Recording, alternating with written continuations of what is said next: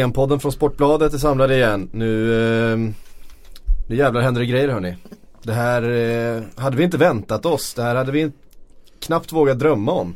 Men Sverige är framme i en kvartsfinal i VM 2018 och där ska vi möta England. Det, eh, det känns så surrealistiskt att säga det fortfarande. Det har gått nu ett halvt dygn ungefär.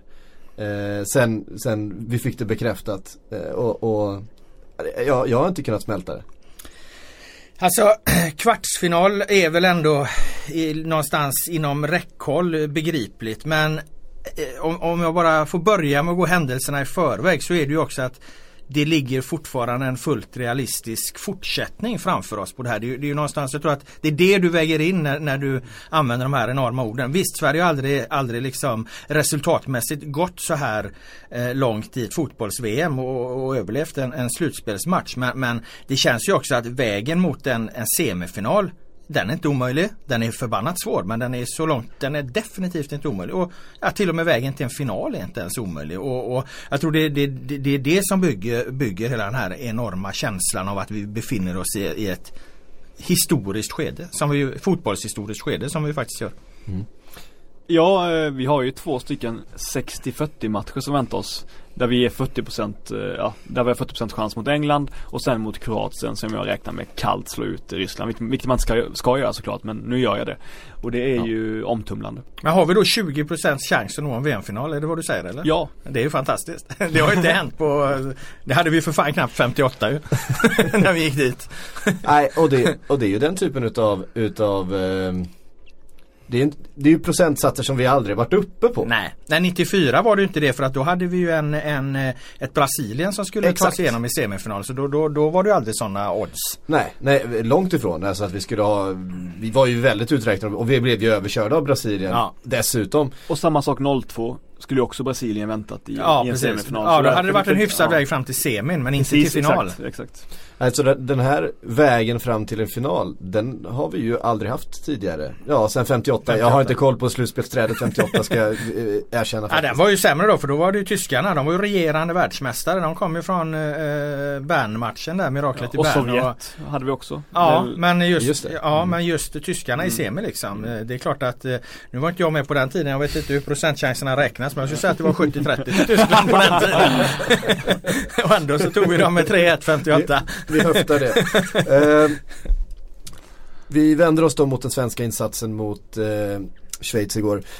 Och det är till skillnad från, vi satt här för en vecka sedan ungefär och skulle prata om eh, eh, match mot Mexiko. Det var eh, mycket situationer vi skulle ta upp och det var mål och så här. Här känns som en, en match som Sverige faktiskt kontrollerar. Ja, och jag skulle vilja peka på vad jag tror att det eh, berodde på framförallt. För att när alla som analyserar den här matchen eh, ju någonstans fram till att Schweiz är ett lag som vill ha boll för de har haft ganska mycket boll i mästerskapet trots att de har haft svåra motståndare. Sverige har inte haft så mycket boll, Sverige är väldigt försvarsstarkt. Eh, det var en väldigt förväntad matchbild där att, att eh, Schweiz skulle ånga på och, och, Sverige försvara. Vad gör Jan Andersson i det läget? Jo han prövar en väldigt vågad taktik. Han, han, alltså vi har ju en press som eh, i princip är att vi ställer spelare utanför deras straffområde. Och de vill ju inte slå den långa bollen. Man ser ju de letar ju med ljus och lykta efter att kunna rulla ut den. De spelar liksom chansartat och, och, och, naivt och väldigt vågat för att det är så de vill spela. De har inget annat sätt att spela på. Och där har ju Jan Andersson någonstans räknat ut. Problemet med den taktiken att ställa eh, spelare så högt det är ett, det är väldigt jobbigt. Det såg vi när Mexiko försökte mot Brasilien. De pallade i 20 minuter. Eh, sen blev de överkörda av Brasilien. Och eh, möter du ett väldigt, väldigt skickligt lag så, så blir det enkl, eh, kan de ganska enkelt spela sig igenom en, en sån hög press för att det blir långt mellan lagdelarna och så. Och det var det i Sverige. Men Janne hade uppenbarligen koll på att så skickliga är inte Schweiz så de klarar ju egentligen inte det. Så att de kommer egentligen ur rytm direkt. Och jag vill hävda att Schweiz hämtar sig aldrig från från den här osäkerheten som det skapar. De kommer aldrig in i sitt naturliga spel. De kommer aldrig upp till sin naturliga kapacitet. Man får verkligen säga att Janne synade Schweiz Ja, färdigheter ja, där. Men jag, och jag måste också personligen sluta ha sån respekt för motståndet har jag märkt. Innan matchen mot Sydkorea var jag livrädd att de skulle blitza oss till en början. Sen när vi mötte, ja som Tyskland visste man att de var bra. Sen när vi mötte Mexiko kände jag nej vi klarar inte det tremanna mittfältet. Det går, det kommer, de kommer vara en man mer på mittfältet och vi kommer ha så svårt mot deras snabbhet på, på topp liksom. Och nu mot Schweiz så var jag helt övertygad om att Berami och Xhaka skulle kunna rulla runt oss och att, och att eh, Lang på högerkanten skulle skära stora revor i, i, i vårt försvarsspel. Men det var ju helt fel. Så Ja, jag, men- nu tappar jag respekten för motståndet totalt. Ja men du, du skulle gjort tvärtom istället. Du börjar med att vara optimistisk. Din pessimism kommer ju klä dig bättre ju längre vi går i den här turneringen i och med att det blir svårare och svårare. Men alltså din analys är ju inte fel. Det var bara precis som du säger. Eh, Sverige och Janne synade det här och, och, och, och ställde en fråga till Schweiz som Schweiz inte hade något svar på. Och jag menar, det är ju så här du vinner någon, någon form av respekt i en spelartrupp och i en grupp. att, att du tror på en sak och sen gör du det. Det är inte alltid utfallet blir hundraprocentigt som det blev i, i den här matchen. Jag menar ett bra exempel är att titta på den här Tysklandsmatchen och de omdiskuterade bytena. Tyskland har fått en utvisad eh, och Janne gör offensiva byten för att han vill vinna den här matchen. Där blir utfallet ett helt annat och han får massa skit för det. Det satt, eh, det satt några stollar på Expressen och skrev liksom att det här var den sämsta coachingen eh, sedan 1990. Det är ju så huvudlöst dumt och, och, och skriva en sån sak för att det är ju bara utfallet som, som är annorlunda. Jag menar tanken är ju helt, rätt och vad, vad, vad som sker i en grupp när man ser att okej här har vi en tränare som har en linje, han gör det han tror på det, han har en tanke och han har en plan eh, bakom det, ja då ställer man sig i ett led och följer efter den här ledaren. Då tror man på honom och litar på honom. Nu tar han ett nytt, nytt beslut som spelarna någonstans känner, fan det här är genomtänkt. Fungerade inte 100% mot Tyskland men det var ändå liksom en rätt grundtanke. Nu kommer en ny kontroversiell tanke mot eh, Schweiz och ja då radar man upp sig och, och följer det och gör precis som man säger. Det är så man bygger ett förtroende i sin grupp. Jag menar de här Tutti Frutti-poddens förespråkare, det är ju ingen som kommer gå i ett led efter honom och följa något han säger för han, han, han är ju bara efterhandsklok. Eh, och, och det är så larvigt att, att ge Janne den stenhårda kritiken fastän bytena där och då är helt rätt mot Tyskland. Och samma är det med det här. Hade Sverige blivit sågade eller hade Sverige blivit eh, hade Schweiz klarat den här eh, höga pressen bättre och det hade gått dåligt för Sverige, ja då hade Janne blivit jättesågad för det fastän det egentligen inte hade behövt vara fel. Utan, utan det handlar om att ta ett beslut, tro på det, få spelarna och, och följa idén. Och det är ju det som händer när, när, när man bygger upp ett förtroende bland spelarna. Då gör alla som, som han säger, då sliter man för det. är en lång jävla utläggning här men jag tycker det är så jäkla tydligt exempel på att det är inte alltid utfallet som avgör utan det är hur, hur klok och hur förankrad tanken är. Och att, att Janne gör det mot Tyskland det är en del i att det fungerar så bra mot Schweiz. Nu kommer jag hamra fast en, en, en, spaning om Janne här. Ja. Och jag är säker på att Jan Andersson tränar ett bra lag i en topp 5-liga efter sommaren.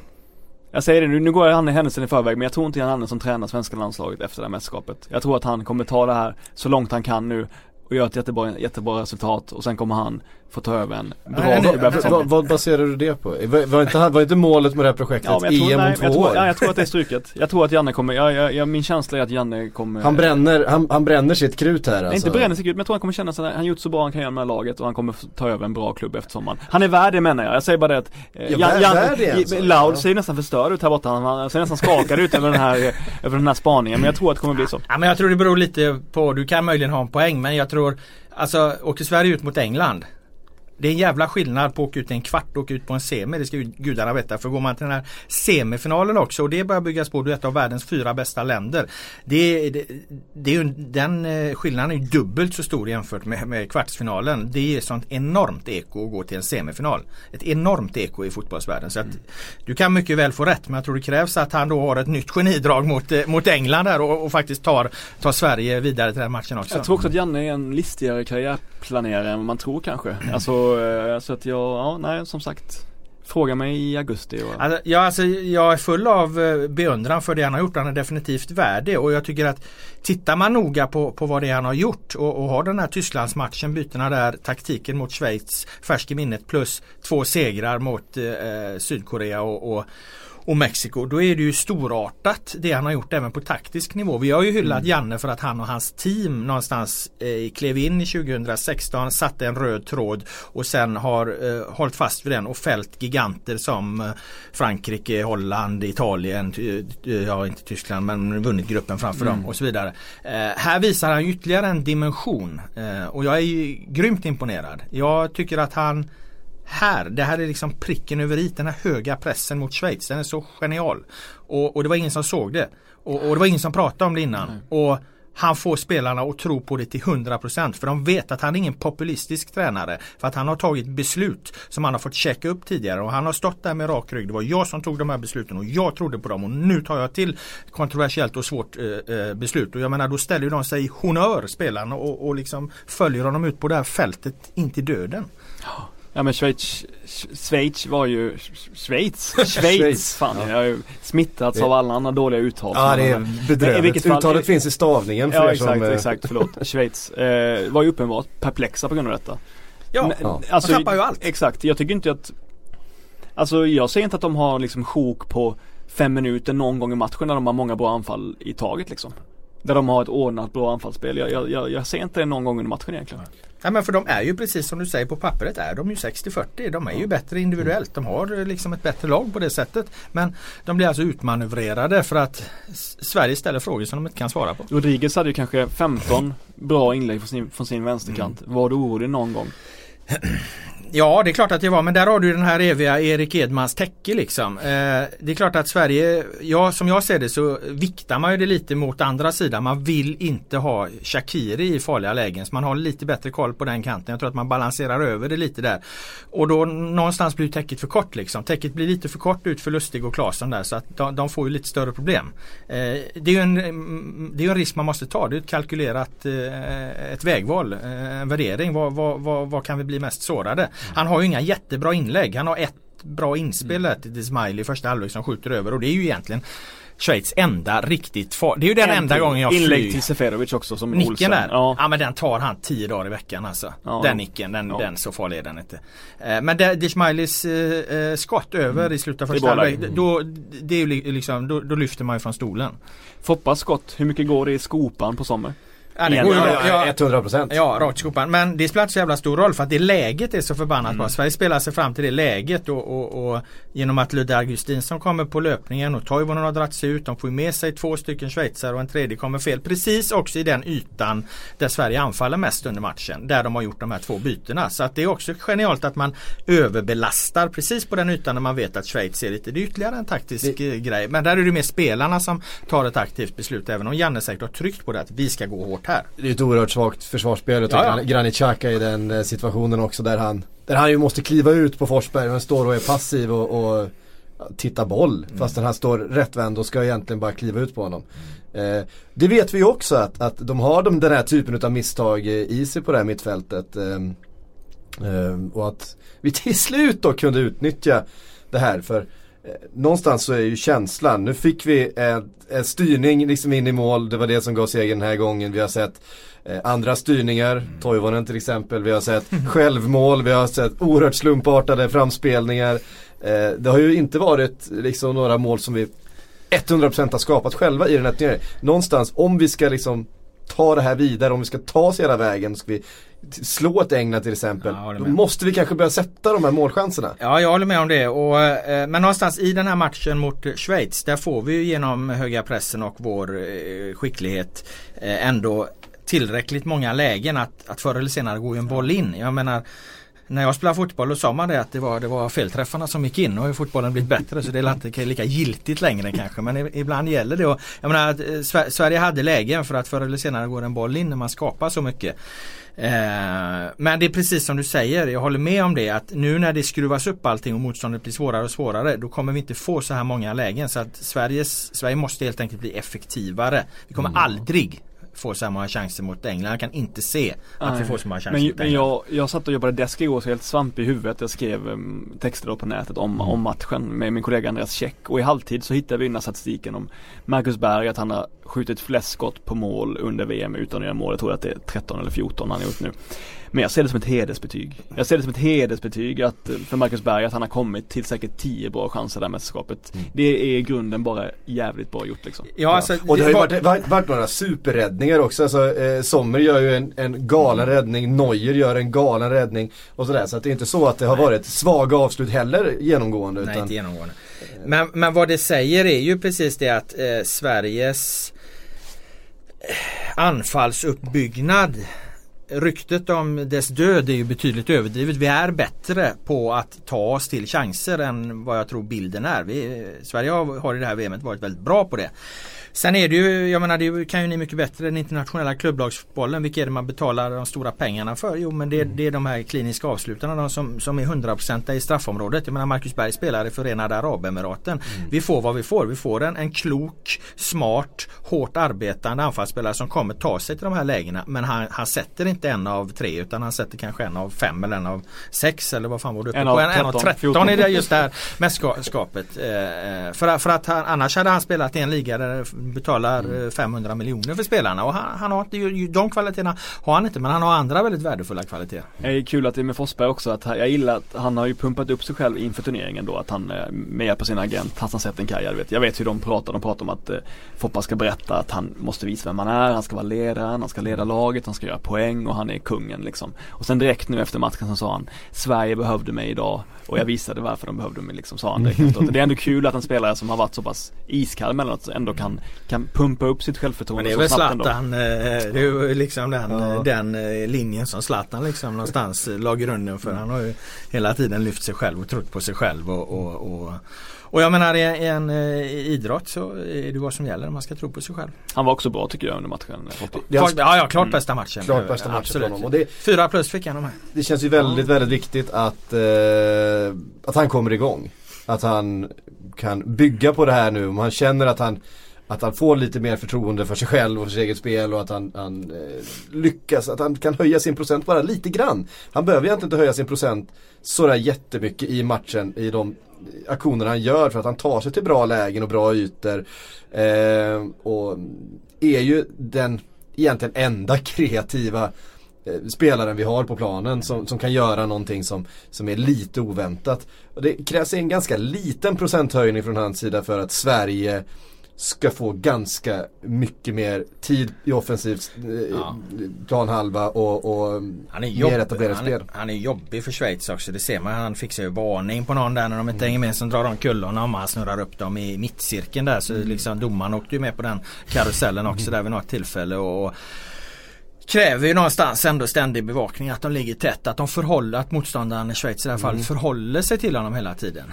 Uh, och jag tror det var jättebra att, att att det föll sig så att de fick göra två byten precis på hans kant där. För att mm. det, ska, det skapar nog en eh, mer oreda än man kanske ser direkt. En annan grej som var inför matchen så satt vi i studion Laul och pratade med Jonas Olsson som var lugn som en filbunk och berättade att Gustav Svensson kommer fixa det här. Vi trodde ju också att det var rätt beslut att spela Gustav Svensson men vi var kanske lite oroliga för hur han skulle klara passningsspelet efter vi hade vunnit boll. Kommer han vara kall nog att sätta den enkla passningen? Kommer vi kunna behålla bollinnehav och så vidare?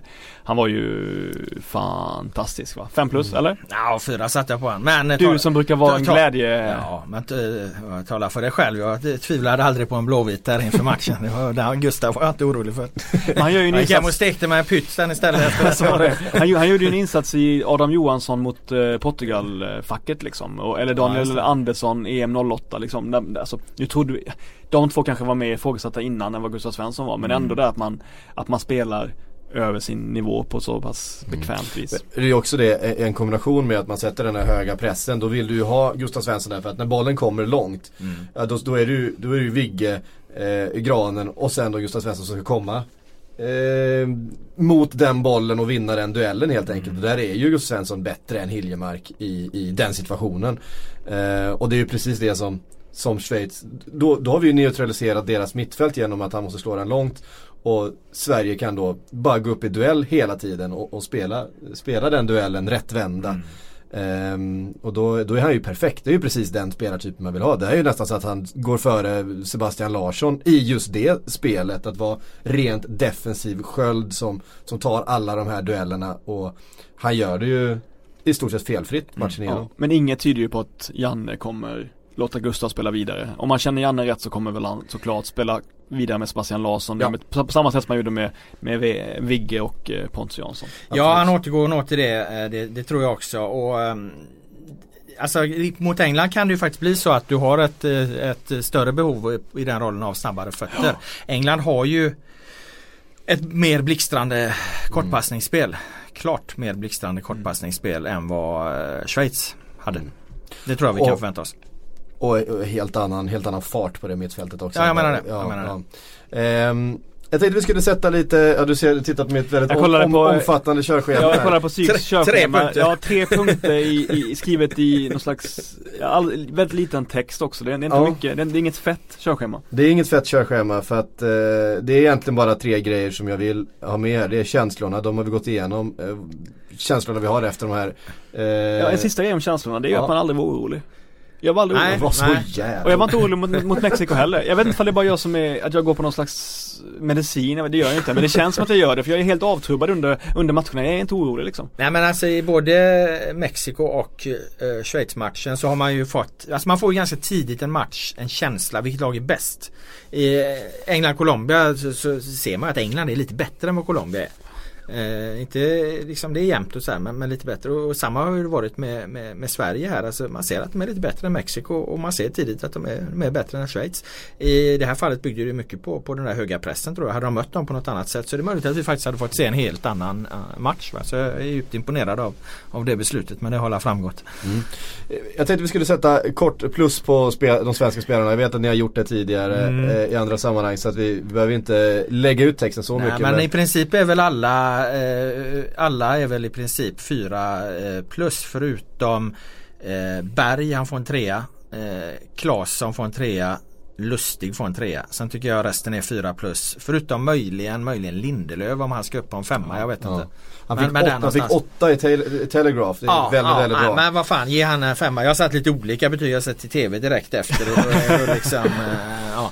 Nej, men, eh, men det var, jag satte nog liknande också. Men eh, säg så då. Tre treor, sju fyror och en femma. Mm. Okej eller? Köper det. Eh, och Robin Olsen fortsätter imponera. Alltså han, han, han, han har ju väldigt lite eh, att göra egentligen. Alltså, de har han har två- mycket att göra. De har två chanser som jag ser det. Ja. Alltså det är det där skottet över och det är den där nicken. Och nicken ska han ta och den tar han utan att lämna retur. Mm. Så att eh, alltså han får en fyra av mig men eh, men det är ju för att han gör allt annat rätt i luftspelet och han har ju uppenbarligen en väldigt fin kommunikation och ett försvarsspel, ett försvarsspel fungerar ju inte så här bra om inte backlinjen känner att okej vi litar på den här gubben längst bak och, och, och de någonstans att trimmat in där. Det har de gjort ganska snabbt. Gillar det också- fungerar hundraprocentigt. Jag gillar också hur pass uttryckslös han ser ut, eh, Olsen. Han är som att han går, hela tiden ser det ut som att han går i- inne på ICA mellan två rader liksom och, och bara spatserar. Han ser så totalt eh, avslappnad ut. Tänk att han har hållit nu 3-0 tillsammans med Rio, Kalle och Ronny.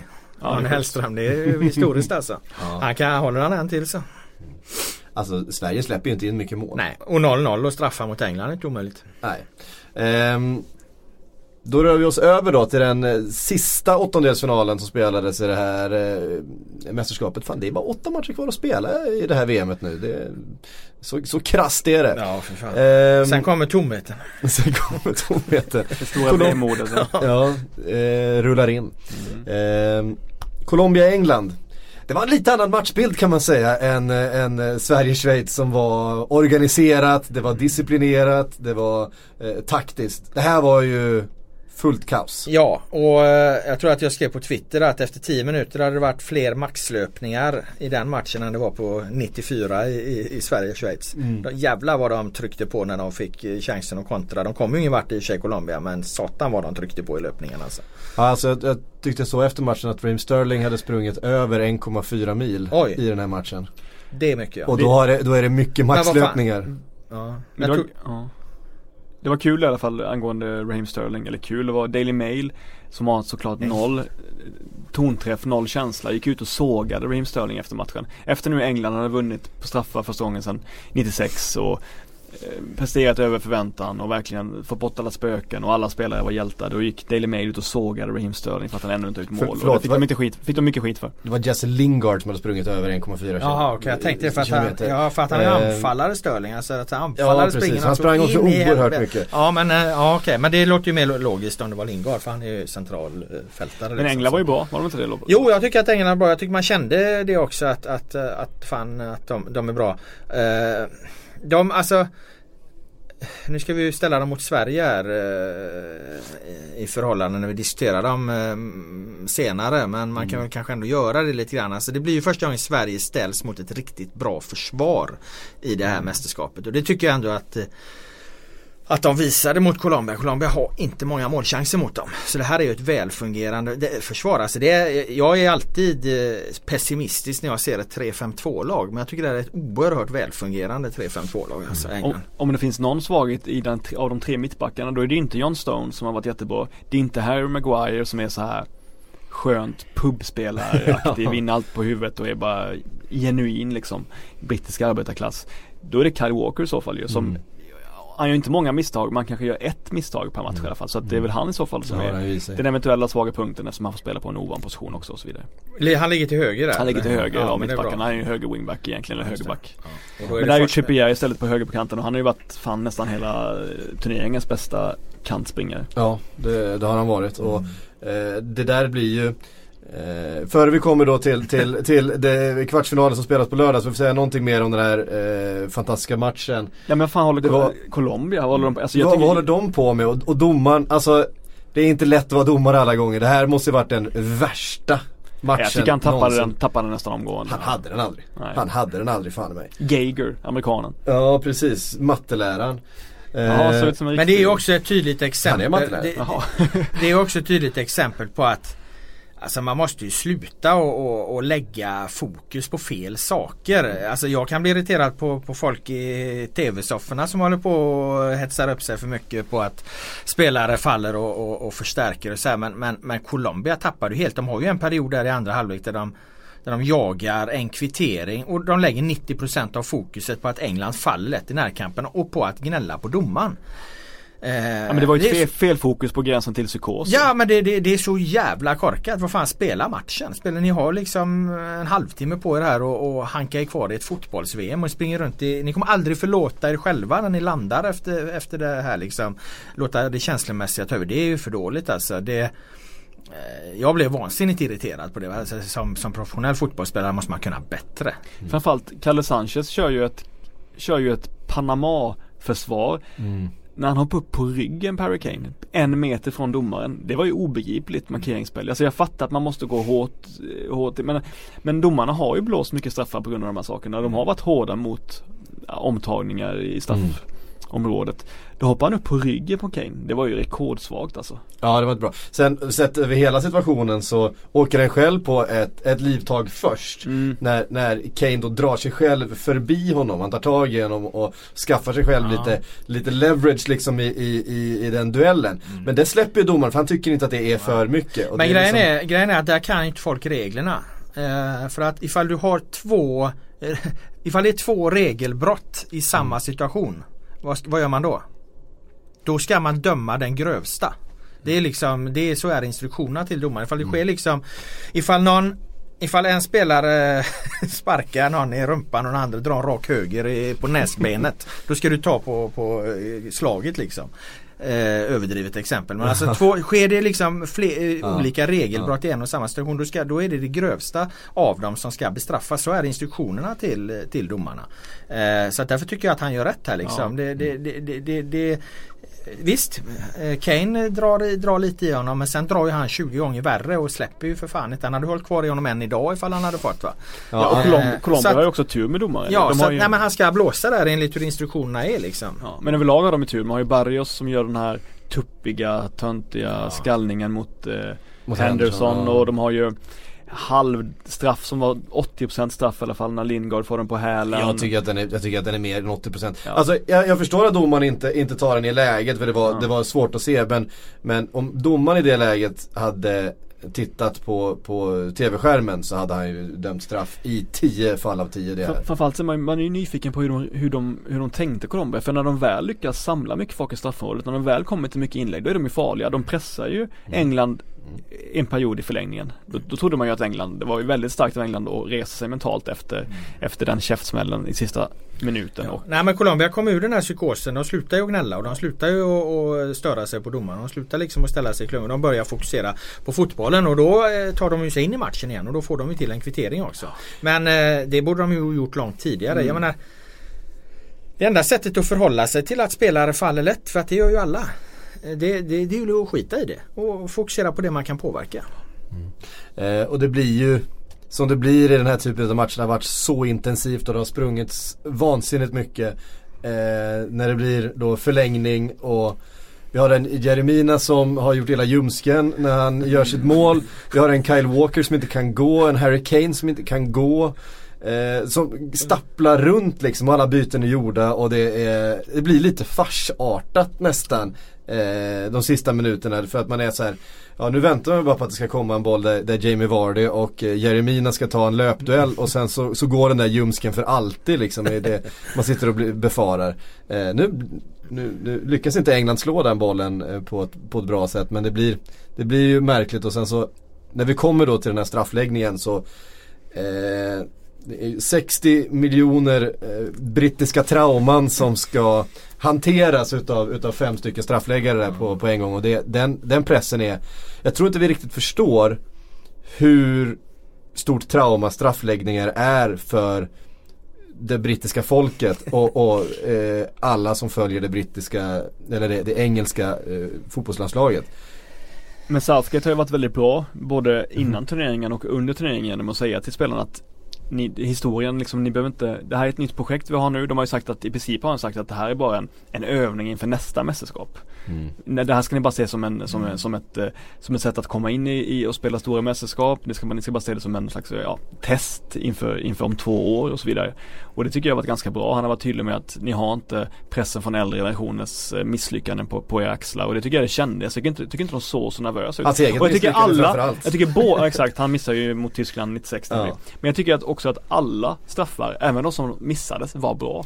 Ja men grejen är så här va. De har ju åkt ut då i VM 90, EM 96, VM 98, EM 2004, VM 2006 och EM 2012 på straffar. Eller hur? Mm. De har ju väl vunnit någon straffläggning däremellan. EM 96 Ja, kvarten. mot Ja, Spanien. precis. Ja, Men annars har de alltså åkt ut ur, ur, ur VM. eh, Och jag tycker alltid, de har ju bara alltid i, i modern tid så att säga varit påverkade av allt det här. Och det är de ju inte i, i den här matchen. De är ju bombsäkra på sina straffar.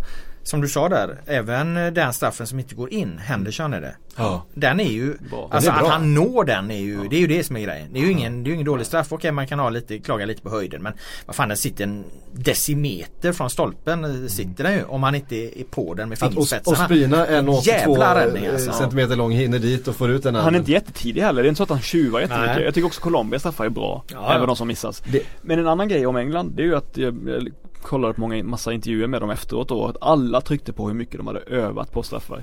De har övat hur mycket som helst på att hitta Mm. sin straff. Mm. Så, de har, så, så de har hittat sin straff som de ska lägga varje gång. under eh, under mästerskapet här alltså? För tidigare har det funnits någon slags tradition i England att man övar inte på straffar utan för man ska inte sätta liksom Nej det är ändå, det är ändå ett lotteri. Nej det- och så vidare. Det är ju, Ja. ju, det är ju dumt. Det är klart man ska öva på straffar. Allt annat är ju märkligt. Men de har haft någon slags ovetenskaplig sån linje om att man ska inte liksom föra in folks tankar på straffar. Men det är också lätt att de har fått panik när det väl har hänt. Så jag tycker att det är ganska imponerande att de faktiskt har övat och övat och övat och övat och övat. Bra gjort. Ja alltså det som är motargumentet här det är att det går aldrig riktigt att öva på en straff då. Eh, Du kan ju öva in eh, automatiken i det Mm. liksom. Och, eh, men sen kan du aldrig öva på hur du påverkas av, av det mentala. Eh, De flesta fotbollsspelare är ju så skickliga på den här nivån att de behöver inte öva in automatiken för den har de fått ändå. Liksom alla liksom som, som spelar eh, på den här nivån kan dra en hård boll i hörnet av ett mål liksom på träning och så här. Och, och det andra momentet kan du inte öva in hur jävla mycket du, du, du står och tränar på det. Men eh, Det är möjligt att eh, de då kommer med något som förändrar hela den, för det är ju den rådande bilden. Så tror jag de flesta tränare har resonerat. Mm. Det är inte så jävla stor idé. Sverige har ju inte tränat på straffar direkt. Liksom. Det är inte så jävla stor idé för du kan ändå aldrig lägga till det här mentala momentet. Men det är möjligt att, eh, att eh, för England har det varit nödvändigt. För, mm. det, det, får ja, väl liksom, man, ja, får väl historien visa här nu då, eller framtiden visa. På jag, jag, jag, tror väl också det någonstans för att det är precis som du säger att det, straffar är ju ett ett mentalt spel. Ja. Det, det är den, den, vem som kan hantera sin ångest med störst framgång som vinner straffläggningen.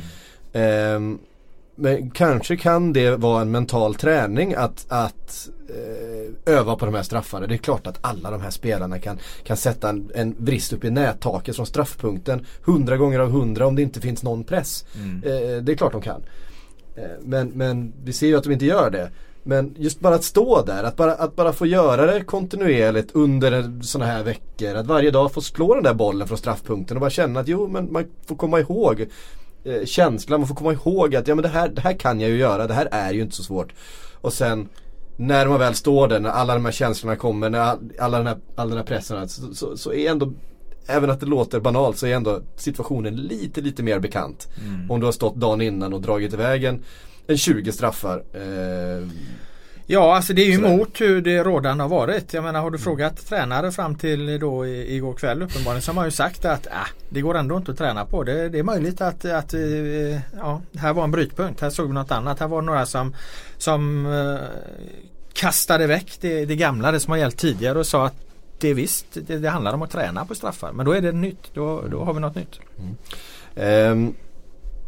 För det är ju väldigt bra straffar. De är ju, mm. de är ju så bra slagna. De är, straff, de är så straffsparksaffirmation automatiserade. Som att de har just hittat den klykan, ja. eller den maskan så många gånger tidigare på träningen. Alla, alla utom en.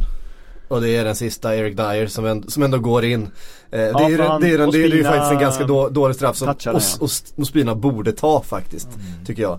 Eh, alltså han räddar Hendersons straff som är en betydligt bättre straff än Erik Dyer. Men det, där har du elementet i straffar, att det, det är så små marginaler och mm. vart den touchar. Sen får man säga Pickfords räddning på uh, den sista är fin. Att han får upp den handen. För det är ju, att han är så stark, för ja, den är hård. Den är och han har han, han ligger med den armen i en, en jobbig situation liksom. Mm. Han, den kan, han, måste, han måste ta bollen rent för annars ja. är den för hård liksom. Och han, han, han, gör det. Han kan inte ta den med fingrarna. Nej, han måste, nej, han måste ta den med handflatan ja, liksom. Ja, för den är så eh, pass hård. Ja. Och sen ändå säga någonting om den räddningen han gör också. Nu blir eh, visserligen hörnan precis efter som, som eh, Eh, blir ja. till kvitteringen men den Jag har inte sett någon bra repris än. Går den mot krysset eller går ja. den lite utanför? Nej, den går ja, ja den som leder till hörnan ja. som blir målet ja. ja. Det är ju inhopparen där i Colombia väl som drog iväg ja, ett skott. precis. alltså från, från 30 meter. Och det han som drar straff, sin straff också i ribban sen. Ribba ut. Just det. Så jag det var ju tufft. Tufft läge att han skjuter två stycken så pass bra skott och får ingen utdelning. Eh, ni som, ni som eh, kanske har lyssnat på en del eh, poddar tidigare eh, som jag har gjort och kanske följer i sociala medier vet ju att jag är ett, ett stor, stor eh, passionerad eh, fan av dåliga straffläggningar och jag tycker att den här var alldeles för bra. Jag är emot att man ska träna straffar. Jag vill ju ha, jag vill ju ha fler missade straffar. Jag gillar ju inte heller när målvakterna räddar utan jag vill ju gärna att straffarna ska liksom sitta uppe på, på läktaren. Straffar i ribban är bra. Mm. Det, det, det är något speciellt. Men det, det är någonstans eh, hela det här tävlingsmomentet draget till sin spets. Men, eh... Men jag funderar på om det kanske finns något annat än det här eh, träna på straffar och så. För jag köper inte det riktigt än att det är vad det handlar om här. Alltså det, här det här laget känns annorlunda än alla mm. andra. Det, det, känns som något annat. De har liksom brutit med det gamla på ett mer övergripande sätt. Och då har det här med straffarna det, här, det, finns inte för dem på samma sätt den här Nej. historien. De här är något annat. De representerar något nytt. De kommer från andra miljöer. De är andra typer av spelare. De har andra typer av träningsmetodik. De har vuxit upp på andra planer. De har inte gått på puben lika ofta. De har inte läst eh, tidningar på samma sätt utan de har varit ute på sociala medier och bla bla bla. Jag vet inte. Det känns som att det finns en större kultur kulturskifte på något vis. Jag tror att det är det vi liksom. sa innan. Det, det, faktumet är att det varit noll, eller inte noll, men att det är väldigt ja, liten press till. på England ja. inför det mästerskapet. Jag tror att eh, det var en undersökning, en av tio trodde att, att eh, England kunde gå till, till VM-final liksom. Ja. Och det säger väl allt. Och Southgate har då som sagt tryckt på att det här är en övningsturnering. Mm. Det här är något vi kommer testa oss på. Vi kommer se hur det går. Det här är inte målet. Det är lite som Janne har gjort. Det är om två år vi ska vara bra. Eh, det är då vi kommer ta det här, mest, vårt, det här laget Men i hamn. spelarna liksom. är ju också annorlunda om man tittar. Det, är ju inga, det här är ju inte något typiskt brittiskt Nej. spelande. Det är så långt ifrån det gamla brittiska som det går att komma det här gänget ju. Nej, Man ju- spelar ja. jättefint 3-5-2 fotboll med rörligt, passningssäkert, explosivt. eh, eh, ja. Det finns också en nivå just för, för England som har varit problemet tidigare där de alltid har blivit eh, mycket sämre än summan av, av eh, deras delar när de har kommit till landslaget. Och det har ju kommit fram nu på senare år, bland annat Rio Ferdinands eh, självbiografi där, hur det var sån rivalitet mellan spelarna som kom från de stora klubbarna i England. Att eh, Chelsea-spelarna pratade liksom inte med, eh, med Arsenal-spelarna och Manchester United-spelarna pratade inte med Liverpool-spelarna och så skulle de spela tillsammans. Och de, de umgicks aldrig liksom när de var och käkade eller när de var på träningsläger och här saker. De höll sig i sina liksom, och det var en, så, var en sån otrolig konkurrens i ligan mellan de här klubbarna och det var så mycket känslor mellan de här spelarna så att de, de lyckades liksom inte få ihop ett lag utav det. Jag tror att den här nya, nu blir man ju väldigt sådär svepande i sina formuleringar, men den här nya generationens fotbollsspelare har kanske inte riktigt samma, vad ska man säga, alltså eh, den där laglojaliteten som du vet man kunde få jag vet, så här John Terry och, och Rio Ferdinand, Steven Gerrard och Jamie Carragher. Men liksom, de var sina lag så jävla rakt in i hjärtat. Spelarna är inte riktigt sådana längre utan det är lite andra saker som, som spelar roll för spelarna. Jag tror också det blir lättare för dem. För det har man ju sett på, på länder som har bra spelare men som inte spelar i sin egen inhemska liga. Eh, och det, jag såg en intervju med, med eh, Frank Lampard om det. Att han Eh, jag kommer inte ihåg vem det var men det var en argentinare som spelade i Chelsea då och han, han pratade hela tiden om att fan, han längtade till den här jävla landslagssamlingen och då ska han få träffa gänget igen och då, för fan vi ska vinna den här jävla eh, eh Copa America och så vidare.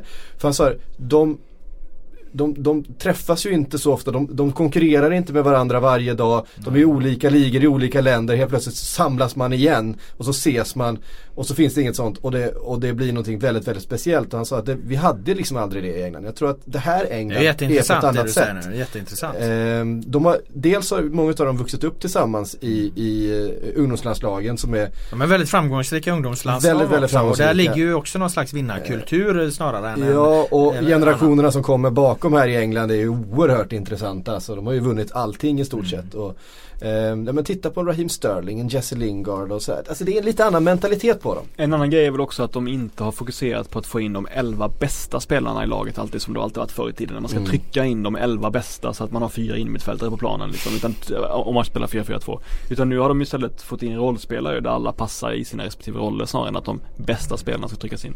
Oerhört eh, elegant han är Gareth Southgate. Han är när, han det. står Han med sin, han är ju- när, han står, vänta, när han står med sin väst och, och är så lugn och, och tydlig. Jag kände bara när han höll, eh, jag tror det var inför förlängningen, han pratade med spelarna. Jag kände fan vad jag vill höra.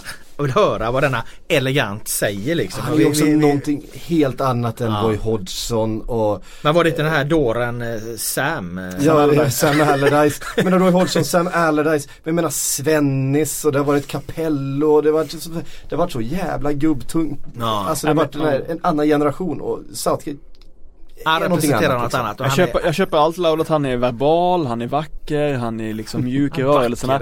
Men han har ju en jävla Erik Hamrén-väst. Och, att du, och, att, och att, du sitter, att du sitter här och redan och nu västen. Redan nu har glömt bort hur mycket den västen har skadat oss genom åren. ja, men Och det- hyllar den när den sitter på en annan person, det är svagt. Alltså det är ju inte västen, det är ju vem den sitter på.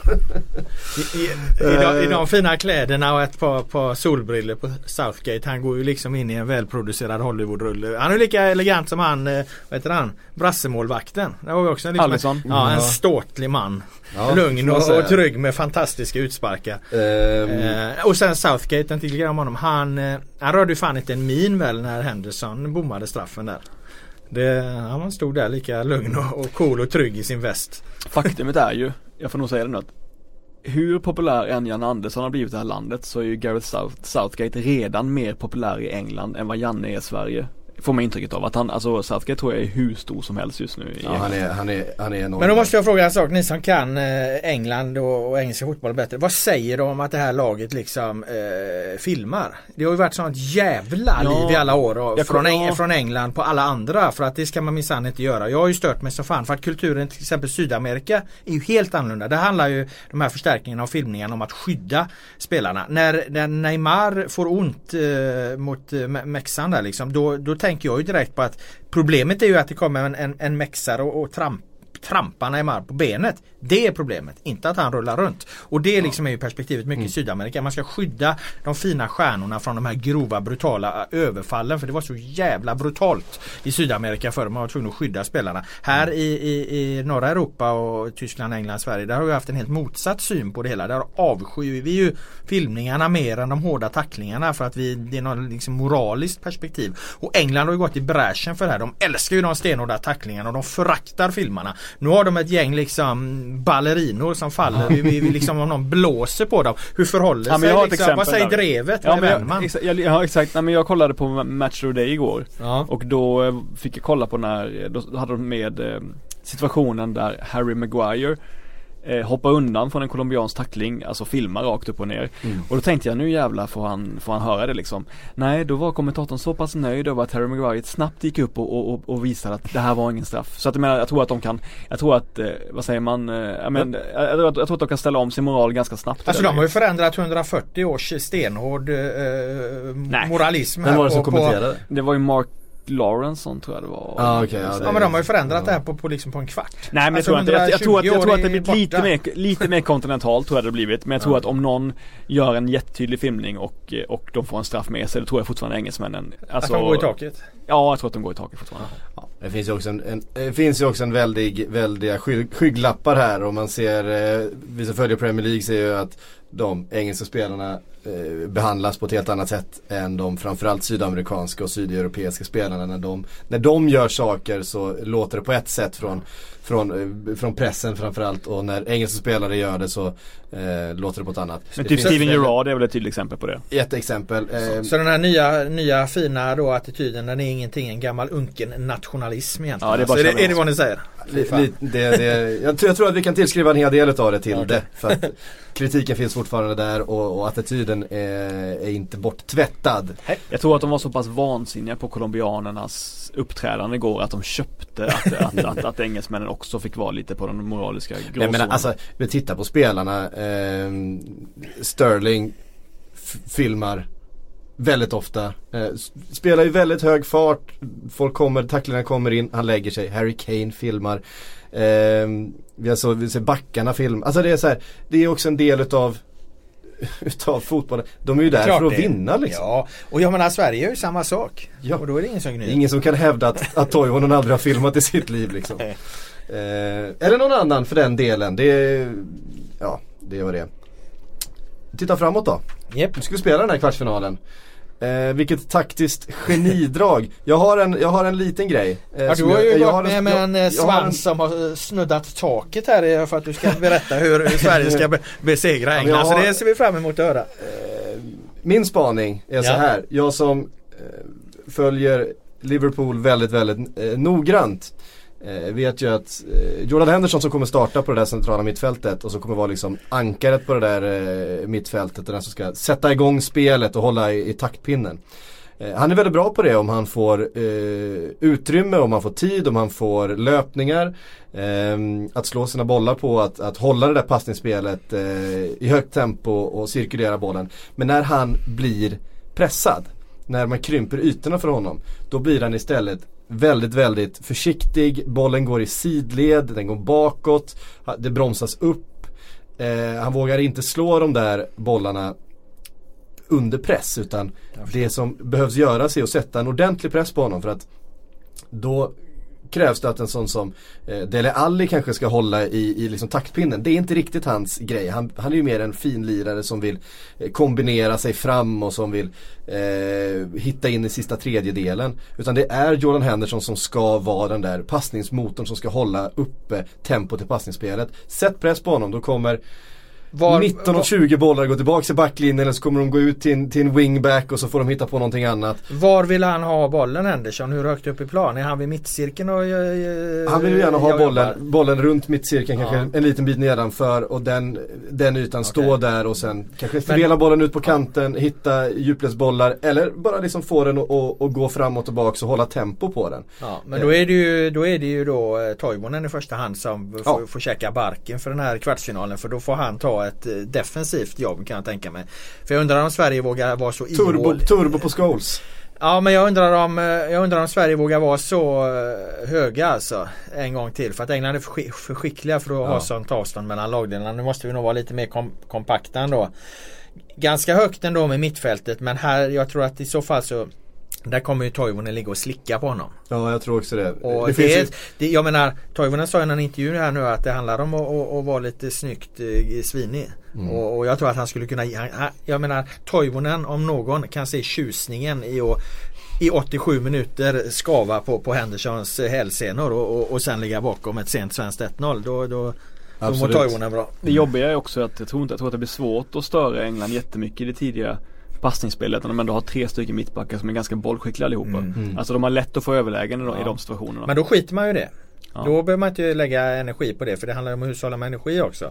Utan om han nu är ett sånt centralt nav där som, som mm. de verkligen vill spela eh, emot. Då hade jag lagt Toivonen eh, på honom. Får vi se om Janne gör det då. Mm. Och så får de rulla runt i det, alltså, som, det som blir en fembackslinje då istället? Ja, och jag menar det är ju alltid med täcket. Någonstans måste man ju släppa. Man får ju liksom hantera här i, mot, mot Schweiz så satte man den höga pressen. Då blev man ihålig men det lyckades de inte utnyttja. Man eh, viktar över det lite mot Shakiri. Då tog man bort honom men man fick lite problem på andra kanten istället. Jag menar täcket eh, täcker ju inte överallt. Och om nu Henderson är så vital för Englands spel som du säger här så Låter det klokt att sätta Toivonen på honom. Alltså jag tror att För då har man kvar Berg också som fortfarande kan gå i djupled om man vinner boll. Så Berg inte behöver jobba ihjäl sig i defensiven. Han blir framförallt eh, väldigt vital för, för, England när Sverige ligger väldigt lågt. När det mm. blir den där ytan. Då ja. är det han som, som hela tiden eh, cirkulerar bollen fram och tillbaks mellan kanterna så att, så att eh, ytorna kan uppstå.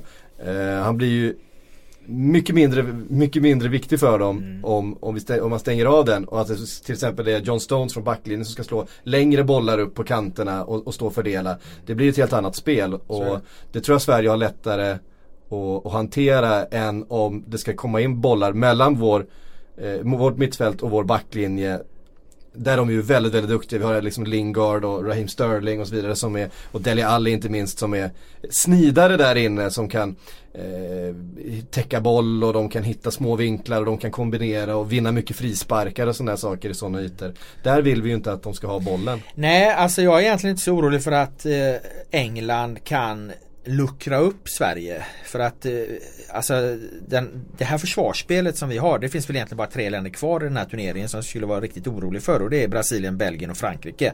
Eh, där får Sverige, Sverige svårt att stå emot eh, ständiga anfall i 90 minuter. Det som är problemet med England snarare för de visade ju inte, mot Colombia visade de inte att de är särskilt bra på, på att luckra upp en samlad försvarare. Det som är, är faran där det är ju att de får ett, liksom, ett sånt spelmässigt övertag så att de hela tiden kommer till fasta situationer istället. Jag menar Sverige hade, det var en period Sverige-Schweiz där Schweiz har fyra raka hörnor. Jag vet inte om ni kommer ihåg det. Det, det vill vi inte ha mot mm. England. Vi vill inte att de drar in hörna på hörna, frispark på frispark. För det, där är de jävligt starka. Och, och, jag tror precis som du säger, ett vapen mot det, det är att, att hålla dem tidigt ifrån oss och, och, och slå ut den här Henderson på ett bra sätt då. Eh, då, då, tror jag att vi kan hantera den här matchen försvarsmässigt. Jag är inte orolig för att England dyrkar upp oss. Däremot är jag orolig för de engelska fasta. Det blir alltså en, det blir en sån här halvhög press mot Mexiko då snarare? Ja, jag skulle kunna tänka mig det. Mm. Men eh, gärna ha möjligen en, en S i rockärmen kan bli ja, något helt annat. Men, Men däremot så det löser ju inte problemet vad Sverige ska göra när vi väl vinner bollen. För att nu ställs Sverige för första gången mot ett bra försvar. Alltså Sydkorea var ett svagt lag, Tyskland var ett icke-fungerande lag, Mexiko har ingen bra defensiv och Schweiz eh, manövrerar ut taktiskt. De saknar ut, två ordinarie ja, och försvarsspelare. Så att det här är första matchen, det tror jag inte folk har tänkt på. Mm. Nu är det första gången Sverige faktiskt möter en, en, riktigt försvarsstark motståndare. Vi kommer inte få så här många chanser som vi har fått i det här VMet. Eh, och det vi, den enda lösningen på det, det är att, att bli mer effektiv framför mål och, och ja, det, det, är vi ju egentligen inte. Nej. Så att, alltså, Berg måste börja peta in bollar. Det, ja, det här blir, nej men jag tror snarare att det här blir tajt och tätt. Jag, trodde, jag tyckte att det stank straffar om Sverige-Schweiz. Mm. Ganska länge. Mm. Eh, och det tror jag det gör om den här matchen också. En, en, annan grej då som är lite jobbig inför den här matchen är att eh, igår kväll satt vi då febrigt, vi kvällsreportrar och letade efter kaxiga rubriker i England och kaxiga löpsedlar och, och när de skulle berätta om vilken enkel väg de hade till eh, semifinal. Men så blev det inte. Det, det finns inte så mycket arroganta engelsmän där ute och Gareth Southgate gick ut direkt och mm. sa att eh, Första, direkt sa han att vi har haft ett dåligt fas mot Sverige, vi, vi, vi respekterar dem, vi, det kommer bli en tuff match. Spelarna var likadana. Experterna i Match of the Day, Alan Shearer och eh, de andra var, och Gary Lineker var, gick igenom Sveriges 4-4-2 som, som du älskar Robert och visade hur tajta vi var, hur alla jobbade för varandra, hur vi, hur vi spelade zonspel, hur vi flyttade över och var jätteimponerade av det. De sa med respekt att Sverige är som ett Championship-lag ett bra Championship-lag tyckte de då att, att de var oroliga. Det är väldigt mycket, ja, väldigt exakt, och det är sant och de var oroliga över det. Så att vi kommer ju, jag tror inte vi kommer, du har ju sagt det Robert att det är fysiskt omöjligt för en engelsman att inte underskatta Sverige men jag mm. tror nog att vi har hittat ja, jag, ett gäng jag, som inte kommer göra det. Ja jag håller med och jag skulle faktiskt säga att återigen Gareth Southgate växte något oerhört ännu mer om han nu kunde det när han direkt på den här eh, presskonferensen efter matchen är det väl säger, Han säger ännu bättre än vad du eh, återgav där. Han säger Vi har alltid underskattat Sverige.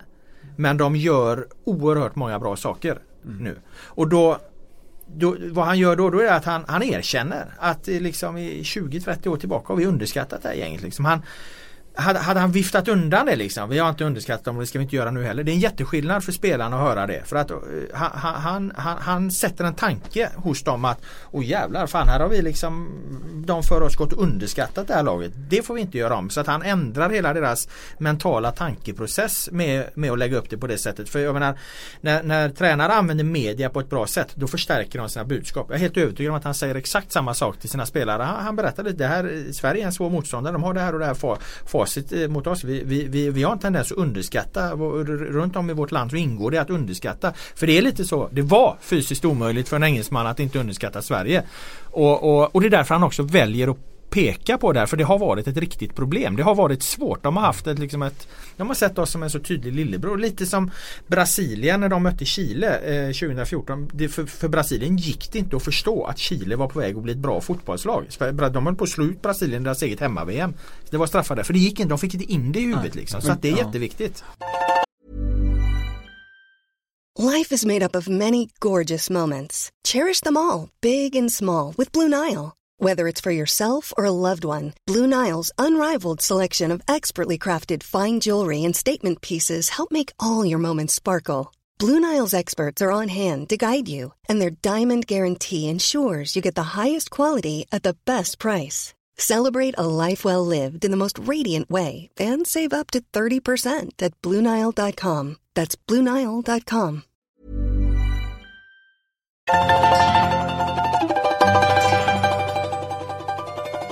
så ska vi ringa en livslevande engelsman. Han heter Ian McIntosh. Han gör en podcast som heter Totally Football Show.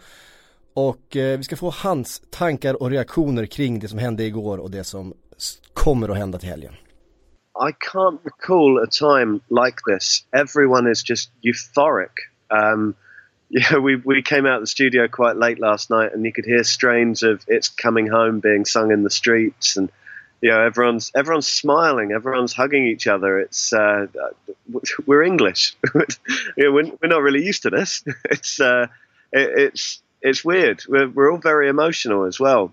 For to have that circle of Gareth Southgate missing a penalty in the semi-finals in 1996, and then return 22 years later as the manager who guides us to our first successful penalty shootout um, since that year is is just wonderful. You know, you that, that's the stuff of movie scripts. Um, so yeah, yeah, we're all, we're all a bit hungover, a bit tired, and, and no one can stop grinning. I don't think the performance was particularly great. Um, there, there, were obviously lots of positives. I'm, I'm, pleased with the mental attitude more than anything else because that's always where England fall over.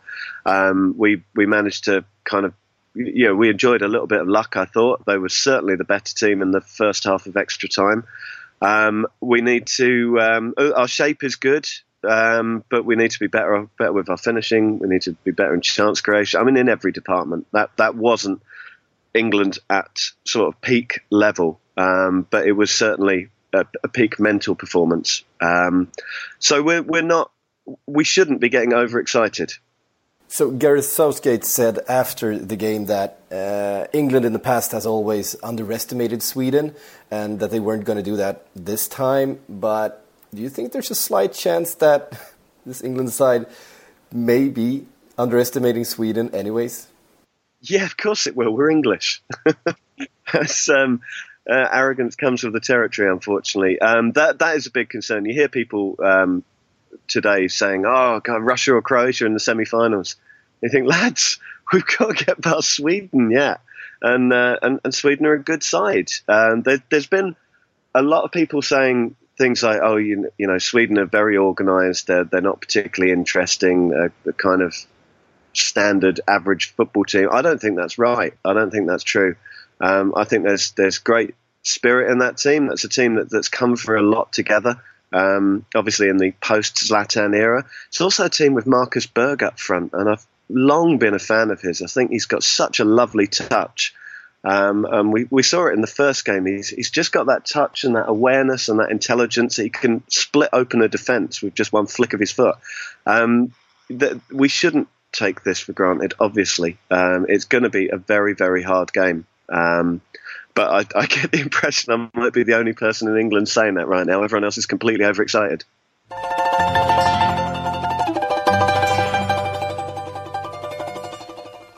Gary Neville har ju sagt att de hatade att möta Sverige. Ja. För att det var så jävla jobbigt bara. För att de inte bjöd till. England gillar att möta lag där de bjuder till liksom. Och nu har de respekterat då att Sverige inte är ett land som bjuder till och att det kommer bli tufft.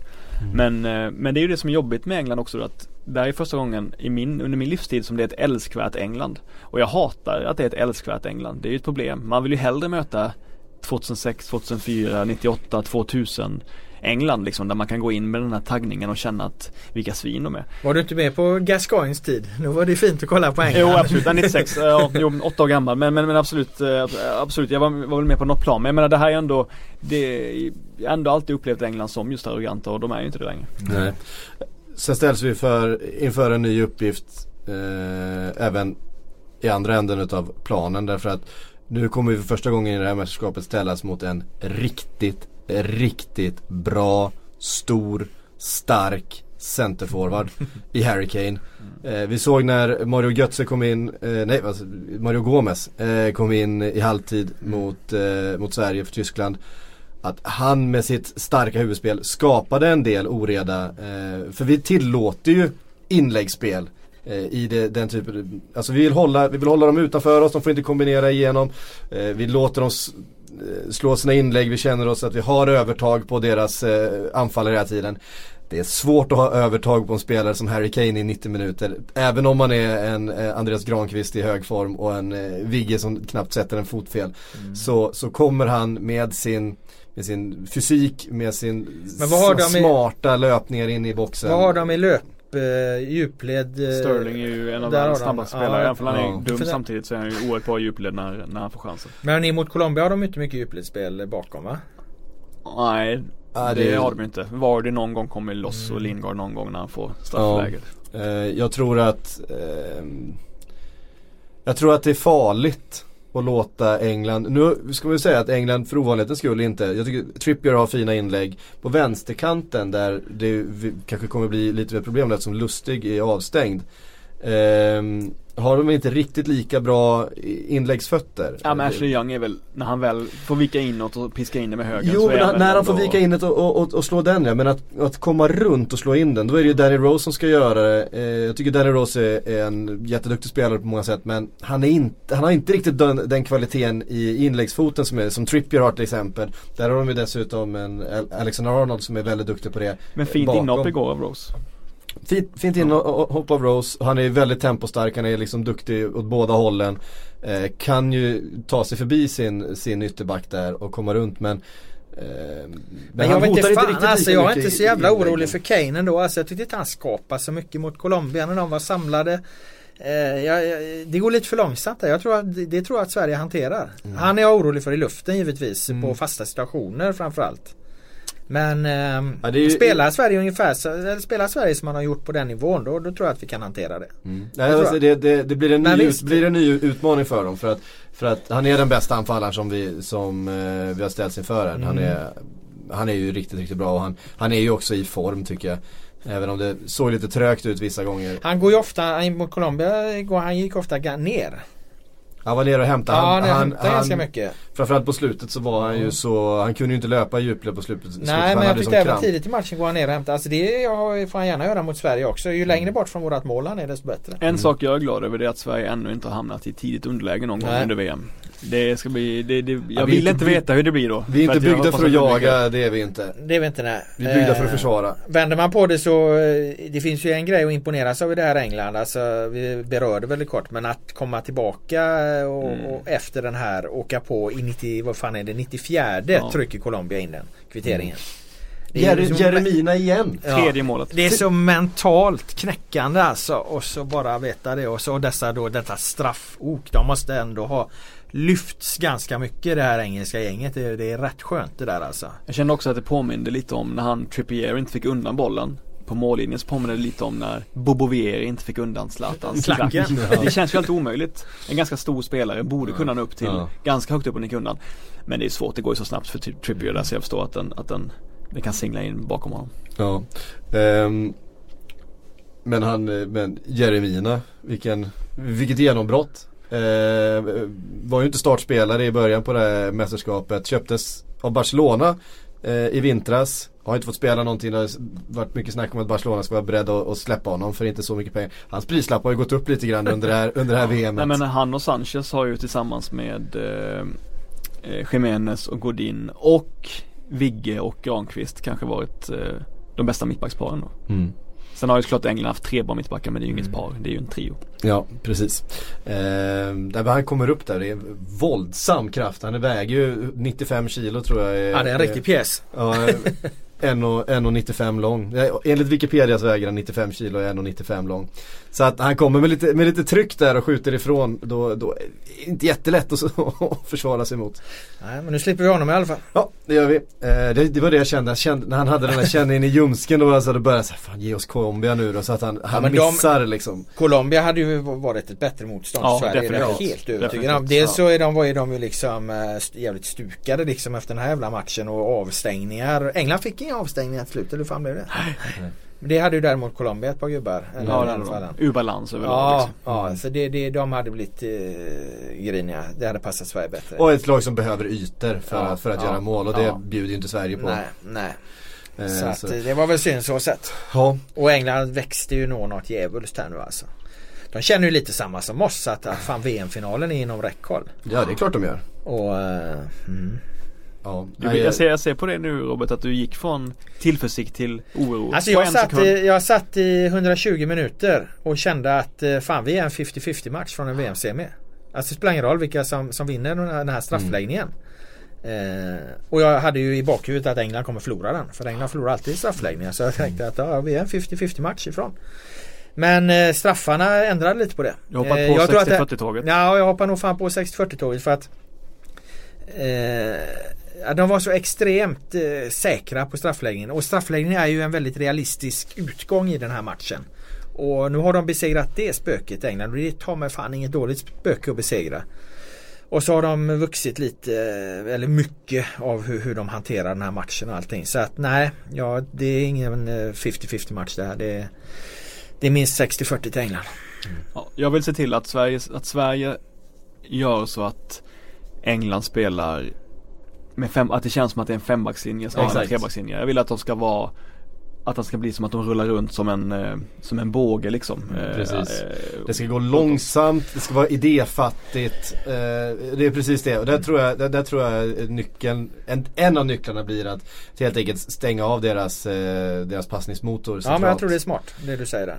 Ehm, och, och tvinga dem in i situationer som de inte är lika bekväma i och sen Kanske frust- frustrera Harry Kane då så att han känner att han måste ner och Han hämta lite och boll. hämta, ja. Han måste bara liksom delta i, i speluppbyggnaden och sådär. Så Som Zlatan gjorde när han var som sämst och Precis, sprang ner han blir liksom. frustrerad Ja. liksom som vi sett Lionel Messi göra i, i Argentina nu liksom. Fan, jag får springa ner och hämta bollen själv då. Ja.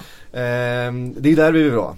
Eh, Så och är det sen, absolut. Och sen att Marcus Berg får göra ett jävla mål. Att, för chansen kommer komma även i den här matchen, det är jag övertygad om. Men då måste den sitta alltså. Men Sverige har varit bra på att göra motståndarna dåliga Mm. och, och, och störa dem till eh, så att de inte får ut sina kvaliteter. Särskilt vi- eh, efter Schweiz-matchen här så växer ju Sverige något oerhört. Har vi fått några reaktioner på, på Ekdal? Han såg ut att ha lite Ja, ont. det var en, en, en lättare stukning. De skulle kolla mer tydligare idag men han kunde ju ändå spela vidare så att det, det där tror jag löser sig. Ja nej men han spelar vidare och eh, Sebastian går- kommer ju tillbaka in i startelvan. Tackar jag vi menar Gustav bara- för väl utfört uppdrag. Se, Se, Seb Larsson med hela hans historia i England Ja. och, och eh, jag menar få möta det här och alla spelarna där, han har, ju, han har ju mött dem allihop och de har ju mött honom och, och, och det blir en väldigt speciell match för honom. Ingen kommer skrika mer än vad, än vad Sebastian Larsson gör den matchen. Om han skriker mest av alla redan innan så kommer han, ja det kommer bli någonting i hästväg tror jag. Ja det, Men det som avgör den matchen det är följande fråga. Robert, vem vinner en 50-50 duell Axel mot Axel mellan Granqvist och Kane? Eh, ja du. Har du något tydligt svar på det eller? Nej, jag vill höra dig. Det här kommer- det här- det här kommer- det här kommer- ja. Spontan eh, Det är det som kommer avgöra matchen tror jag. känsla. Nej men det nya England de faller ju. Så att eh, det är väl Granqvist då. Kane lägger sig. Bra, bra, bra bra svar, bra svar, bra svar. Huh. Nu, eh, nu, nu, börjar, nu börjar nervositeten inför den matchen komma. Nu har vi precis liksom Ja. här landat i att vi är där. Nu börjar jag känna hur, hur magen sätter igång igen. Här. Och nu har vi bara snackat om en jävla kvartsfinal också. Vi har ju för fan på den andra sidan har vi de två dynamitkvartsfinaler. Alltså där VM-vinnaren förmodligen återfinns. Alltså Ja, du har ju. Uruguay, Frankrike, Belgien, Brasilien. Något av de fyra lagen kommer vinna Vi har VM. inte sagt någonting om någon av de andra matcherna här. Av, av, av eh, uppenbara anledningar förstås. Men vi får säga någonting om framförallt eh, Brasilien, Belgien. Det blir ju, alltså jag vet att många, att många led med Japan, att de, att de tappade det här och de slarvade bort det på slutet. Men jag är någonstans glad ändå att, eh, för det, det skänker lite Alltså jag vet inte, legitimitet är fel ord men eh, det är lite skönt att vi inte bara har eh, lågt rankade lag vidare. Vi skulle slå hål på myten också om att det här är ett skräll-VM. Eh, Ja, det, jag tycker inte att det är ett skräll-VM om man tittar på åttondelsfinalerna. Eh, jag menar Frankrike var favorit mot Argentina, de gick vidare. Uruguay var knappt favorit mot eh, Portugal, de gick vidare. Kroatien var favorit mot Danmark, de gick vidare. Brasilien var favorit mot Mexiko, de gick vi- vidare. Belgien var favorit mot eh, eh, Japan, de gick vidare. England var lite favorit mot Colombia, de gick vidare. Och så har vi två eller vi har en solklar fall, favoritfall, Ja. det är Spanien då. Ja. Och så har vi då Sverige, Schweiz. Ja okej då, Sve- Schweiz var var Knapp väl favorit, Knapp men favorit liksom- liksom. Men efter fem minuter av den matchen så såg man ju att vad fan Sverige är ju bättre ju. Eh, så att jag, jag räknar, det var alltså att Schweiz förlorar mot Sverige var inget favoritfall. Jag kan aldrig i min, min, min värld få det till det även om det kanske var 60-40 på pappret. Så att då har vi ju och, att, och att regerande mästaren åker ut i Ja, men- gruppspelet har vi sett nu eh, fyra utav fem senaste Ja det eh, händer ju hela tiden. Det händer ju alltid. Så att då är det, det är två jättebomber liksom. Och det är att, eh, att Tyskland åker i gruppen och det är att Spanien åker i åttondelen. Så ser fotbolls-VM ut. Det är Mm. alltid liksom sådana grejer. Det som är konstigt, det, det, det man däremot kan säga är konstigt med det här VMet det är ju hur eh, trädet har placerats. Så det har vi ju varit besvikna över. Men, Ja. men det, vad fan, vi kommer ju få jag tror att vi kommer få en diskussion om att den riktiga finalen spelades i semin på något sätt. Jag menar blir det Frankrike-Brasilien eller Frankrike-Belgien eller något. Alltså det, det, det kommer liksom kan, kanske kännas som VM-finalen på många sätt. Beroende lite på vilka som går dit. Jag menar, går England till VM-final då är det ju en sån jävla stor fotbollshistoriskt stor grej liksom. Så då blir det ju all eyes on, den finalen ändå va. Men eh, blir det liksom Kroatien eller Sverige då, då om man ska förhålla sig objektivt till det så då blir det ju liksom en, en eh, ja, inte skitfinal men alltså det blir en konstig jävla final liksom Mm. om, om, något av de länderna går dit så. Nej, det, det, det, är, så- det är snarare det än att det är något skräll-VM. Det är det att alla jävla länder har hamnat på den sidan. Precis. Ehm, och det är ju inga som har spelat för det så det går ju inte att säga att det har varit uppgjort eller något. Jag menar Belgien gick ju ändå före i de här matcherna och valde den svårare sidan genom att vinna. De spelade ju, visst de bytte ut ett spelare men de gick ju för segern och vann mot England och hamnade på den svåra sidan. Så det är ju inte så liksom att, att lagen har straffat ut sig från den sidan medvetet utan det har ju bara blivit så. Ja.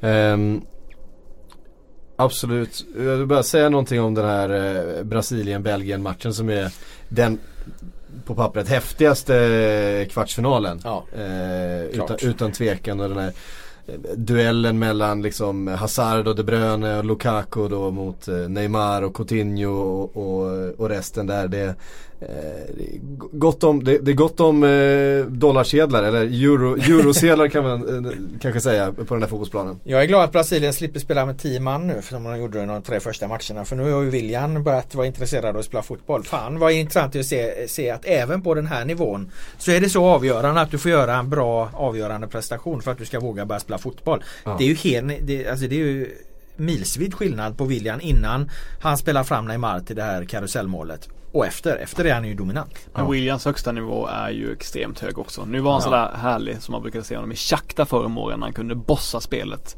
nästan på egen hand. Det går ju inte att ta honom första fem meterna.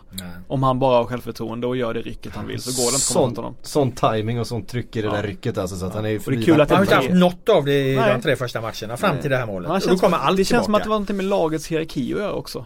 Att han har varit liksom lägre rankad än de andra liksom. Fått Mm. bollen lite, fått kanske taskiga lägen medan Coutinho och Neymar har varit mer liksom involverade när det har varit hett sådär. Då har de Casemiro avstängd Ja. brassarna. Det är ju inte så jävla Men bra. Fernandinho alltså. är jävla fin också. så Jo visst fan är eh, han det. va? Han är lite men- annan spelartyp kan jag Ja. tycka. Han är lite mer offensiv än vad Ja, Casemiro är. Casemiro tar Eh, sånt jävla fint ansvar defensivt och, och är det någon match man behöver ta defensivt ansvar eh, i så är det ju mot eh, den här Samtidigt- Belgien-kvartetten där. Om de blir pressade högt upp som, som, som Japan gjorde, eller Mexiko. Mexiko, Mexiko gjorde, då, då hade ju Casemiro de ganska svårt att lyckas kontrollera Mm. det tidiga bollinnehavet. Jag tror att Fernandinho kanske är, är säkrare på det. Han är väl, sen blir det väl antagligen så att Paulinho får väl ta ett större defensivt Ja. ansvar då också eh, tillsammans med Fernandinho.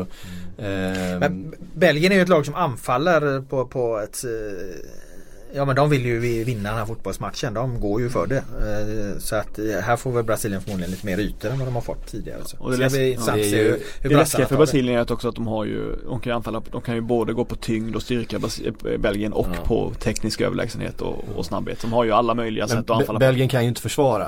Eh, det, och det är ju då, det är inte i brist på, dål, eller brist på bra backar utan det är ju för att Roberto Martinez, deras eh, eh, förbundskapten, helt enkelt inte kan ställa upp ett fungerande försvar. Det har han ju inte kunnat hela sin Ja, men karriär. det är ju ett medvetet val att vikta offensivt. Ja, men han viktar- han viktar offensivt, Munier men- och Carrasco. Men ti- titta på Brasilien som också viktar offensivt. De har ju knappt släppt in ett mål. Nej de har bra försvar på- brassarna. på, Det, ska eh, man ja. säga. Väldigt bra. Samtidigt de har ju, de kör ju ändå tre, tre mittbackar, de kör Witzel liksom. Det är ju, det är ju inte Det är ju inte liksom vilda västern. Det är märkligt att, att, att Belgien har varit svaga defensivt tycker jag. jag. Kan inte, alltså jag förstår ju att, det, att de, de, de kör ju med sin vänster wingback som egentligen är ytter liksom. Det, det, Mm. det, men det, men jag förstår inte varför de inte spelar Dem- Dembélé. Som en av mina eh, favoritspelare i världen. Han kan inte tappa bollen. Nej, det aldrig. går inte att ta bollen från honom. Han är så oerhört jävla elegant. Så jag hade spelat Dembélé alla dagar Men vi kan ju inte såga. Martinez ett av dag så Nej, vilket superbyte, vilka jag såg det. Han väckte ju Ja, hela jävla ja. Belgien. De var ju Hela paralyserade. världen sågade honom för Ja. de bytena. Hela världen sågade honom i ungefär 10 minuter. Men, han, Ja, så, men såg ni inte Belgien? De var ju paralyserade av det här 2-0. De anföll ju inte ens. De stod liksom nere vid egen hörnflagga och undrade vad fan de ska göra och så byter han in Filani. Alltså, och det Chadli var- som jag trodde var Och, och dunderslut. Nas, ja precis, Nasser Chadli som ju är och de är Alltså som, som, som, som ju har liksom varit ett, ett skämt nästan. Alltså Mm. det, där det kom inte kändes som Alltså så, så, jag har aldrig sett sån raljans i sociala medier Som att eh, just, just de här två spelarna Men hur skulle- skulle kan man in raljera- göra, eh, Hur kan man raljera över att han tar in. Fellaini mot ett eh, är lag märkligt. som eh, är 1,50 liksom? Ja, men- Alltså, Men jag förstår inte de som jag tycker, jag har alltid gillat, alltså han är, han är världens bästa rollspelare. Fellaini. Han har Ja. hoppat in redan 2014, alltså han har ju alltid, även även VM 14 var han inne i och räddade Belgien med ja, sena för 90 att han är ju bra även om de skulle nu bli 2-2 vilket ju Ja. egentligen skulle blivit så är det ju bra liksom att ha honom i en förlängning. Alltså, jag tycker att det är Absolut. ett jätteklockrent byte. Ja. Det såg man ju, det har man ju sett många gånger i, Ja. i Manchester United, vilken skillnad han har gjort när han har kommit in från bänken. När han har startat med honom eh, så har det ofta blivit problem. Han, har ju, han är ju så, så temposvag så att det, det eh, saknar nästan motstycke eh, med fötterna. Men Alltså där när du behöver en avlastning, du behöver en, en outball liksom. Du kan ju lägga en full vrist i bröstet på honom så, så kan han kontrollera. Det är ingen som kontrollerar en boll med bröstet lika bra Jo, som. Fellaini. Dinko Felic, som vi nämnde tidigare. Nej men jag tänkte, jag tänkte en sak med Fellaini, det är att det måste göra så oerhört ont att möta honom. Han har ju inget underhudsfett överhuvudtaget. Nej. Allting är knotigt, fast på det här trubbiga vapenmässigt sätt. Allting, måste, det måste göra ont att möta hans skenben, det måste göra ont att möta hans armar, hans armbågar, armbågarna hans jävla uppe. kindben måste vara som, en, som ett, som ett eh, så vapenklassat i princip. Ja. Men jag jag måste bara nämna för att det är ju nästan historiskt det där målet. Eh, Eller det är ju historiskt för att inget lag har ju vänt eh, ett 0-2 underläge sedan 1970 vilket ju de gör. Alltså Japan har fått mycket skit för att de för första gången under den här matchen väljer att slå en lång hörna mot eh, eh, alltså, Det är ju så dumt. Men bortsett från det då för det har ju kritiserats nog och att Courtois är bra i luften och allt det. Alltså när Courtois Courtois tar den bollen då har han, en, då har han liksom en instinkt att kriga mot. Och den instinkten det är att, att liksom ta bollen in till sitt bröst och känna nu håller jag den här så länge som möjligt. För att eh, det är några sekunder kvar och, och vi, ja, vi, vi ska inte tappa den. Det här ska gå till förlängning och så vidare. Det, det är liksom det, det är en instinkt. Den andra instinkten och det är ju det beslutet han tar. Det är ju att han direkt sätter igång den här kontringen. Det är det som avgör allting. Hans beslut är att han faktiskt rullar igång en kontring i det läget. Det är inte helt givet att han gör det. Det är möjligen givet med tanke på resultatet men resultatet är ju så otroligt, det är ju så perfekt utfört. Och allting börjar ju med hans lilla beslut. Jag tror att 9 av 10 målvakter med 20 sekunder kvar att spela de backar ett par steg, håller bollen och tänker att nu väntar vi Och bara ut precis vänt. Två, alltså Ja, 2 till 2 ja, 2 ja. Det måste vara jättenöjd. Men så gör han är det. liksom- Är det De Bruyne eller vad fan är han rullar ut Ja. till? Jag kommer inte ihåg. Alltså det är så, Men det är så, Belgien- det är så häftigt att han tar det beslutet. De, de, dels är ju de VMs bästa kontringslag. De är, de är, Frankrike var här då. Mbappé ja, sätter fart Ja där. fast eh, Belgien hade några i, i gruppspelet också som var oerhörda. eh, Jag tycker, jag, fan, jag tycker Hazard är fortfarande är bättre än Mbappé till exempel. Mhm. Och jag tycker att Lukaku är en bättre striker också än vad de har just nu i Skitsamma, det är inte viktigt. Men jag vill säga en annan sak. Ja. Toivonen. Varför fick inte han Japan-skit då? Att han lägger frisparken på mål. Han ska väl sluta inte inkast. Tänk om, de hade, tänk om han hade plockat en Sommer och sen eh, att de hade gjort en liknande kontring. De försökte ju, såg du inte det? De hade instruktioner exakt. Ja. och så gick Kiese Thelin gick ut till vänster. Ja. Då flyttade de ju ut en schweizare och Mm. täckte den. Och då står ju Olsson och Toivonen och får lite panik och vet inte riktigt vad de ska Nej. göra.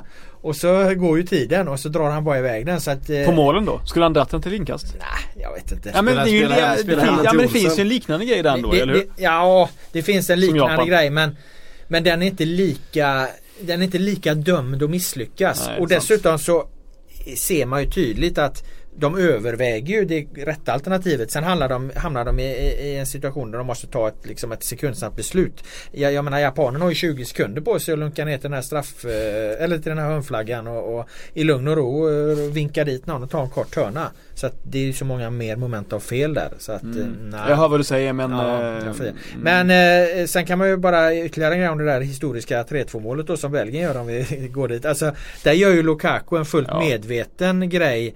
Eh, Det är ju VMs eh, bästa prestation utan att röra bollen. Vi har ju lite roliga alltså, Mm. Han borde ha en assistpoäng för det. Ja men han det är ju helt medvetet. Han släpper den. Ja, ja. I, I det läget liksom. Han går för skytteliga och allt det där. Men han och, och, det går fort som fan och han har koll på att han kommer bakom. Och han håller undan japanen och, och släpper den. Och så är det mål. Det är Men- jävligt fint. Men det var kul att Japan kunde gå ut med en sån, eh, på sånt fint sätt. Att de verkligen eh, visade vilket härligt lag de var. För jag har varit kritisk mot Japan tyckte att det var det, minst spännande laget. Fast det är ju fan det lag som har överraskat mest positivt Ja, jag, hela inte, VM, jag, jag, alltså. jag såg att du skrev det på Twitter Ja. men jag håller nog inte med. inte Inte, alltså. inte om gruppspelet, nej tyckte jag inte. Men jag tyckte att det var en, inte Ja. Sverige det kanske till exempel. Nej, nej, Sverige det visste vi vad vi skulle få Ah, eller? Jag vet inte det. Skitsamma. Men jag, jag tyckte i alla fall att eh, det var kul att, eh, att Japan fick till en sån sista prestation. Ja men det håller jag med. Alltså det är ingen, jag tycker inte att det är en skräll att Sverige går vidare till åttondelsfinal. Nej men jag skulle säga att eh, Grejen är ju att eh, när vi tänkte på det här innan så tänkte vi hela tiden att de skulle få Brasilien i åttondelsfinal. Så ingen, har egentligen, ingen har egentligen fullföljt tankebanan. Det är ingen skräll eh, för att jag menar det var en seger mot Sydkorea, det var en förlust mot Tyskland, det var en avgörande match mot Mexiko som kunde gå hur som helst. Jag menar det var ju ristat i sten i, i december för fan. Och, och när vi då får Schweiz så är det ingen jätteskräll att vi besegrar dem heller. Så att jag tycker inte det är någon sensation på något sätt att Sverige är, i kvartsfinal. Det var hela tiden det här Brasilien-hindret man hade och nu förändrades förutsättningarna. Huh, nu laddar vi. Eh, på söndag är vi tillbaks med, eh, med ett eh, avsnitt om hur det gick i den här kvartsfinalen. eh, hoppas att vi sitter här med ungefär samma miner och samma känslor. Det kommer vara andra känslor, det kommer vara förstärkta känslor. Eh, då Är Boman fortfarande pessimist? Eh, jag kan meddela här nu att jag går upp semester på fredag. Men jag tänker Ja, men det att, eh, om friskriver dig inte från att det svara på frågan. Nej, eh, om jag är pessimist. Ja, du har Ja, varit jag pessimist tippar där. 3-0 till England. 3-0 Självklart. till England, Åh, fy fan. ehm, Ja, det alltså vågar jag säger ett- jag säger 1-1 och straffläggning. Sen ehm, tror jag vi förlorar på straffar mot England. Alltså jag har också det. Jag, jag, jag har 0-0 känsla och straffar och engelsk vinst på det fick jag där igår tyvärr. Men eh, ja, vi får hoppas att jag har fel. Mm. Ja. Jag var helt övertygad om att, att Schweiz skulle vinna med 2-1 igår så att eh, jag hade sån dålig känsla inför Det var som en, hela, hela gårdagen var som en utdragen hjärtinfarkt alltså det var bara eh, Svajade i huvudet och det var tryck över bröstet liksom Jag var så säker på att vi skulle förlora men ja, fel har man Men det kan du inte ha känt efter eh, när matchen började eller? Total lugn, Nej, total lugn var det ju. Efter en, efter en kvart så kände, då var det borta liksom den känslan men, eh, men, men inför var det Och det kommer vi se mot England också. Det är, alla matcher lever i sitt eget liv. Det är det som är så intressant liksom. F- Får vi då, gör vi England dåliga och får dem att se frustrerade och tycka det här var ju förbannat jävla jobbigt liksom. Så. Janne har varit så överlägsen matchcoach det här mästerskapet Mm. att han har berövat oss från VM-nervositeten. så är det bara. Det var en bra avslutning. Se om man Vi- lyckas en gång till då. Sillypodden kommer imorgon också. Då ska vi eh, försöka att prata så lite VM som möjligt och eh, prata fotbollsövergångar. Och sen så på söndag är vi tillbaks med v- mer VM eh, på återhörande.